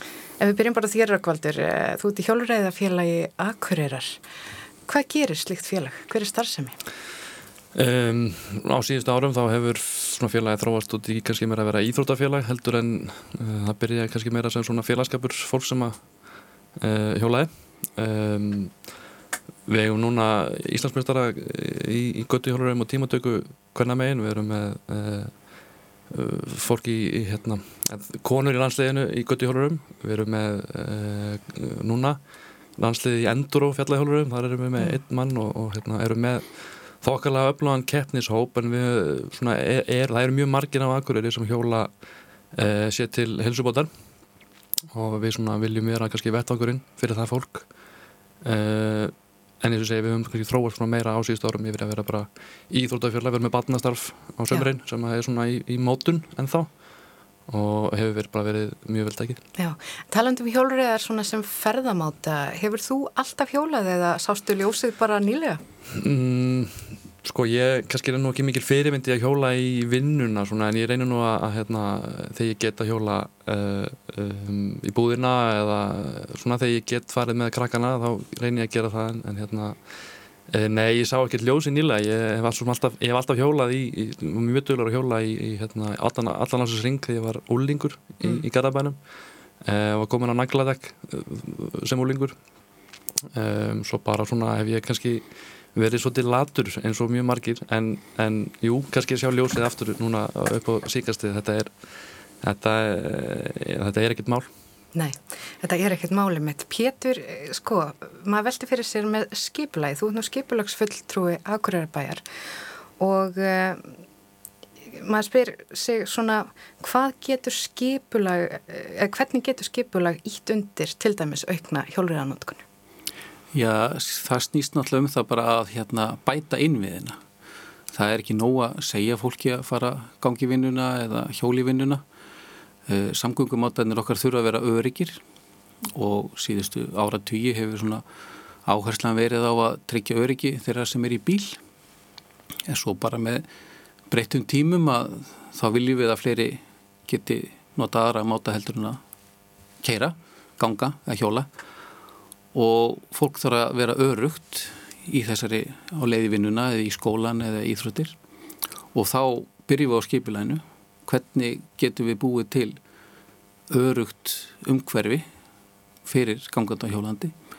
Þannig að það er kannski svona hlutverk skipilagsins að hérna endur hugsa samgöngukerfið mm -hmm. kannski Og þið hafa nú einmitt verið að endur hugsa svolítið samgöngukerfið hér hjá Akurabæ með svona nýju og, og breyttu stíga kerfi og nýlega var nú tekinni nótkunn, já, fyrsti hjólriðastígurinn, eh, já, þú kannski segir mig meira frá þessu?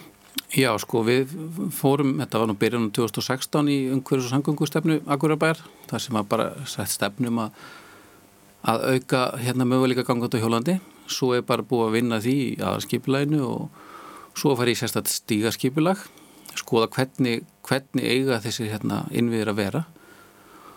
Og svo það tók gildi hann hérna í byrjun ás 2021 og við erum að vinna því að hanna kerfið. En svo er á nokkrum stöðum hérna í bænum þar sem þurfti endun í að götur mm. og þá voru þær götur endun í þar til samræmis við þessar hérna þessar nýju kröfur. Þannig við erum í raun á þrem stöðum sem tengjast ekkert. Síðist í bænum, nýst í bænum og svo við hlýðabröðina Já, sem tengjast ekkert, það var nú gott að það er svona markmiði vantarlega þetta Jú, tengist sko, allt saman. Við erum að búa til kerfi sem tengist og verður allt umlíkjandi hérna í bænum en við nýtjum samt tækifæri þegar við erum að endur nýja göttur að fara þá í að brekka gangstittir og búa til hjólastega og svo framvegis. Mm. En þessi nýja hjólastegur, eh, segð mér aðeins frá honum. Já, þetta er hérna við hlýðabröðina og hann eins og ég segja, hann var bara komað að endur nýjun og það var bara ákveða, jú, nú þurfum að fara og þá er best bara að byrja og þá er þetta svona e, hluta á þessu stoppstíðakerfi okkar það er þá aðskilin göngustígur og hjólastígur og hann var semst tekinn nótkunum dagina því að náttúrulega bæði er þetta reið hjól og svo er þetta náttúrulega rafskútuna líka Þannig að rafskútur eh, meg að vera á þessum stíg? Já, helst. Mm. Í raun og veru maður getur svo sem litið á það á göngustígnum er maður bara svona klassískum 30-6 km hraða svo þegar maður er komin í 15 pluss að þá er best að þá vera á þeim stíg og það eru þá rafskútunar. Já, Rökkvaldur, þú tókst nú þátt í að, hvað segir maður, opna þennan stíg, þú fórst þarna í farabróti fyrir hjálfurafélag Akureyra, hvernig, uh, hvernig var þetta? Um, stutt, þetta er náttúrulega bara hérna, rétt byrjuninn á þessum kabla á, á þessum stíg uh, og, og bara hveit Akureyra bæti þess að vinna hraðar í þessum málum, setja meiri pening í þetta uh, og, og klára þetta hraðar. Eh, það er ákveld eftir þessu, það er nótkur, maður sér það bara núna hérna, þegar maður fer hann að framhjá það, og, eða er á stíknum að það er, fólk nýtir hann og fólk kann að hjóla svona. Og hjólandi og gangandi líðu betur þegar þetta er aðskilið. Náttúrulega að hafa í huga hjólandi, samkvæmt lögum, eru, eru gestir á göngustígum þannig að hérna, við erum í, í minni rétti þar. Uh, og við viljum vera á hjólastígurum, við viljum hérna, einmitt eins og Pétur nefndi að við viljum vera örug og það vilja allir upplefa örugið í umferðinni alveg sama hvernig þeir fara um. Þannig að hérna, já, ég, þetta var skemmtilegt og það var gaman að prófa þannig að stígin og bara hjóla þessi Reykjavík líka á stígunum þar og, og hérna um, bara, eins og segi, bara bríning til aðgurðurbæðir að halda þessu áfram mm. gera meira. Þetta er svona skref í einhverju átt en, en og þú talar um uh, já það þarf að, að gera hlutin á hraðar hérna á Akureyri en, og, og, og Pétur talaði um öryggið. Hvernig upplifur bara Akureyri hefur nú kall, oft verið kallaði bílabær. Hvernig svona Já. almennt er að hjóla hér á Akureyri? Um, sko nú beð ég á brekkunni og ég kannski fer mest þetta nefnir miðbæ og svo í leikskólan uh, með krakkana hjólandi og það er Það er ekkert sérstakt það sem ég er í þessum eh, gamla hlutabæðanis, uh, eh, eða svona ekki gamla en, en svona stígarnir eru, eru orðinir ansi gamlir og lúnir. Um,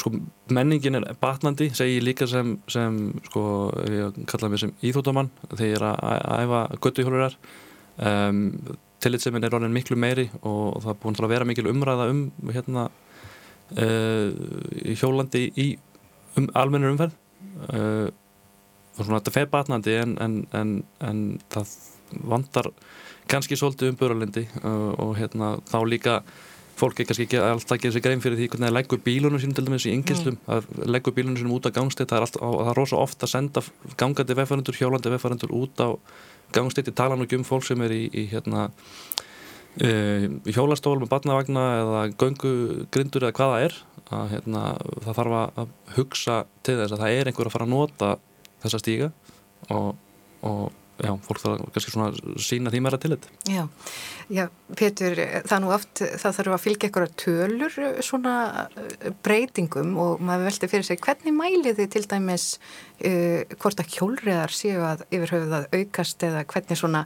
eh, eru þið með teljara á, á, á hjólastífunum eða er, það, er það eitthvað sem að þið gerið? Eh, en sem komir eru við ekki með teljara og við fylgjum staðis með með könnunum mm. um svona bara ringi fólk klassískar hvernig þú ferði vinnuna og, hvernig, og svo leiðis en sem kom með en það geti þróast í það að vera með við á höfuborgarsvæðinu eru teljarar á mörgum stöðum. Þannig að það er kannski eitthvað sem gerum í framtíðinni. En þessar kannanir, þessar ringikannanir, hver eru svona niðurstöðunar úr þeim? Eh, ég man nú ekki alveg prósendina sko. Og en já það var samt nýjasta könnuninn sem var gerð. Það var um hérna vilja fólks. Mm. Og það var alveg ábyrrandi við 70% gegnum gangandi að fólk vill bættar, sam, sagt, bættar hérna hjólurarsamgöngur bæta möguleikana. Og það er kannski tilkomið af því að hérna akkur er allavega og víðast að það er ramasjólið að ramasjóli hefur gert bara fleirum klift að hjóla. Og að því það er nú brekka hérna á Akureyri eða brekkur sem gera manni svona erfitt fyrir búið að leysa það með ramasjólinu og maður sér að sérstaklega sko eldri hópurinn hann, honum fyrir mikið fjölgandi. Það er kannski sem er mest áberandi. Já. það er svona bara eldri hjón sem er farin að hjóla ekkert máli hjóldi kjarnasko og, og bara því fleiri sem eru hjólandi því koma bara meiri kröfur um að að bæta. Því þá fáum við þá fáum við fólk út á mörkina sem getur séð hvað er að og komið Já. með ábyrningarnar. Og það er hægt að senda ábyrningar inn? Já, það er bara mm. ábyrningarkerfi hjá Akureyrbæ. Rökkvaldir, það að hjóla svona, já, nú Pétur þú vísar svolítið í að hjónin fara þarna í, í svona skemmtitúri í, í kjarnaskó en svo er þetta að ná fólki á hjól eða í aðra samgöngumáta heilt yfir eh, allt árið og það er nú oft sagt með hjólurreðar að það sé bara ekki hægt að stunda hjólurreðar allt ára umkring á Íslandi veðrið er óvond mm -hmm. það er ekki hægt að skulla bönnum og, og að hitta mm -hmm. þetta mm. hvernig sér þú þetta? Um, það er náttúrulega ferðsótt eftir hugafari fólks um, við sáum í þessum uh, þessar rástefnum sem var í hofi núna það var Eilin Björk á, á veðstofinni að tala fút frá sinni reynslu og hún var að skuttla börnunum sínum með þennan fyrirlestur þá var hann að, að skuttla börnunum sínum e, bara landir í mentarskóla aldurinn e, út um kveipun og gafin Já, þú ert þarna að vísa í málþing sem var í Já, breytta ferðarvenjur í fyrir dag í hofi og það er streymi á, á YouTube fyrir þá sem vilja skoða það. Mm. e, mjög áhugavert erindi bæði frá henni og frá Edvard í, í Hollandi og fleirum og Pétri. Um, Ég á uh, frængu sem að eh, með tvö ramasjól það annað þeirra er, er svona svo kallar cargo hjól með, með uh, plássi fyrir börn fram, fram í og þau búa í, í Reykjavík og þau hérna, uh, starfa ekki alveg kannski mjög nála teimilinu sín en þau fara mm. allt á hjólinu og, og krak, sko, krakkarnir vilja það frekar heldur en bíl, verið bílnum. Eh, og allan ásinsring en ég, þú bara klæði eftir veðri. Það, það var mjög góðu punktu frá honum tæs uh, frá verkvæðarstofinni hann sagði að við klæðum börnun okkar fyrir, sko, getum átt vona öllum veðrum og við förum með öll föttin í leikskólan uh, hvaða galla sem er til þess að vera undirbúin fyrir veðrið en svo þau vorum fullorinn þá ekkert með breytist það og við hættum að klæða okkur eftir veðri og viljum vera í fínum föttunum okkar inn í bílunum já. þetta er náttúrulega svona öfugur hugsunarháttur sko. Og þetta nota bílinn sem úlpu Já, það er, það er svolítið skrítið þegar maður fyrir hugsunum það sko. En Pétur, eh, það er verið að vitna hérna í þetta málþing sem mm. að þú helst nú erindi á um, og þar var til dæmis það voru síndar myndir af hjólaborginni Amsterdam fyrir 40-50 árum já, kannski minna mm. og þar voru fullt af bílum síðan, síðan hafa hlutinni breyst og hérna og núna er bara hjólamenning ríkjandi. Þetta er spurning um að skipulag stiði undir breyta menningu. Hvernig? Já, það er eins og þú segir sko breytt samgöngukerfi það byrjar á skipulæginu og eins og kom fram á þessu máltingi bæði sem dæmi frá Kaupunahöfn og Amsterdam að þar var þetta bara ákverðun stjórnvalda að breyta samgöngukerfunu, bara mm. einfallega. Við, það er bara orðið ómikið að bílum og ómikið að slésum og það var bara ákall frá almenningi að fara þessa vegferð Já.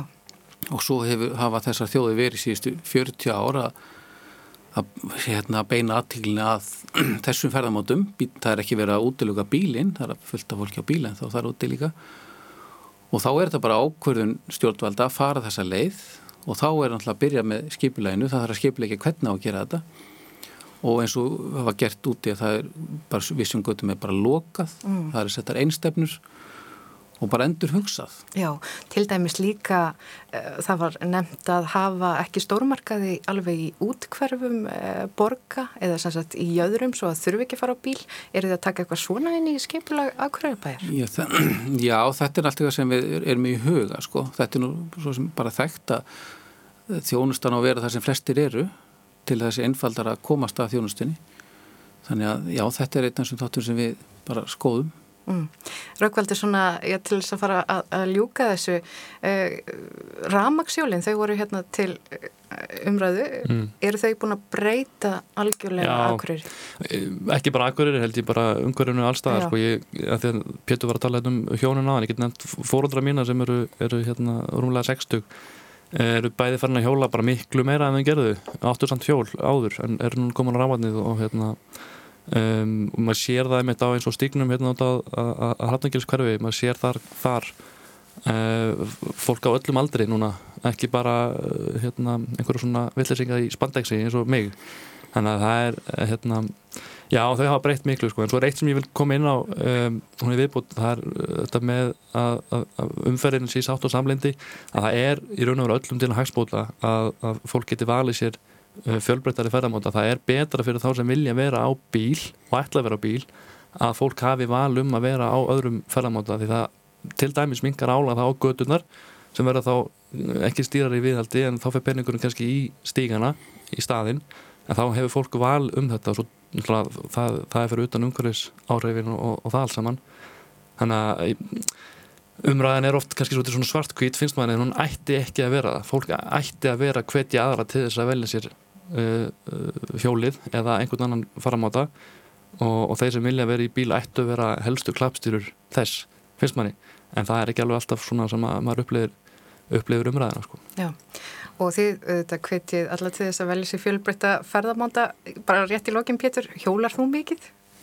Eh, þannig ég er nú bara svona tómstundahjólur að maður en ég geng allt yfirleitt bara í bæði vinnuna og tómstundir og, og það er einmitt bæði innviður en svo er það líka bara ákvörðun og við erum svo heppin hérna á Akureyri að það er stutt í allt hérna. Það er, maður, maður er ekki nema korter hvert sem maður, hvert sem maður er að gera. Og svo er veðri hérna bara mjög gott Já, það er þetta með veðrið. Alltaf gott við erum á Akureyri. Við ljúkum þessu á, á þeim orðum. Takk fyrir komin að hinga í morguvaktina Raukvaldur Már Helgason og Pétur Ingi Haraldsson.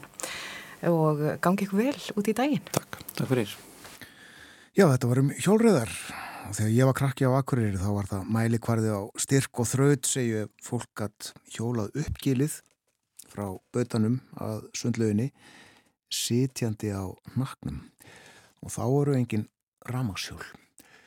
Hér fyrir morgun lofuðum við Eli Viljáms við ætlum að hlusta á hann að syngja Heyr mína bæn við uh, heyrðum lekum upprunalegu útgáfuna af þessu lægi hér snemma í morgun þá ítölsku en hér Elli.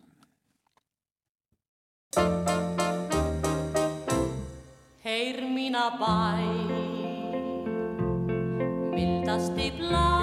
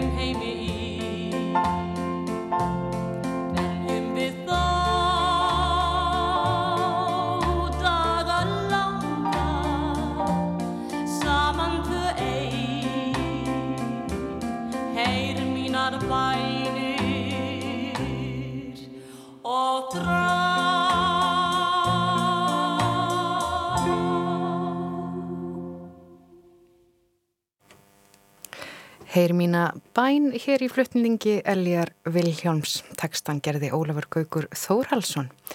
Og þetta er íslenska útgáfan af hennu ítalska lægi Nonnoleta sem að eh, Giorgia uh, Cinquetti, eh, Gigliola Cinquetti, afsakið, flutti á Evrósku söngvakefninni árið 1964. Ítalski tónar á morgunvaktinni í dag, uh, það er kosið á Ítalju á sunnudaginn og ítölsk stjórnmál til umfjöldunar Dóra Sif Tínes lögmaður var með okkur hér í morgun. Og uh, líka Dilja Mist Einarstóttir, þinkona sjálfstæðisflokksins, við töluðum um stjórnmálinn vítt og breytt hennar helstu áherslur í pólitíkinni, hún saði okkur frá málum sem hún ætlar að leggja fram á þinginu í vetur og uh, svo töluðum við einnig um uh, þessa árás sem var yfirvofandi mögulega á alþingi og á laurugluna en laurugla afstýrði með handtökum á þriðudaginn. Mér langar að vekja aðtökli á fótbollaleik sem að framfer á vikingsvellinum í dag. Það er landslið Karla undir 21 ás. Það mætir tjekkum, þetta er umspilsleikur um sæti á HM á næsta ári á heimavilli Hammingunar en við þökkum fyrir í dag verði sæl.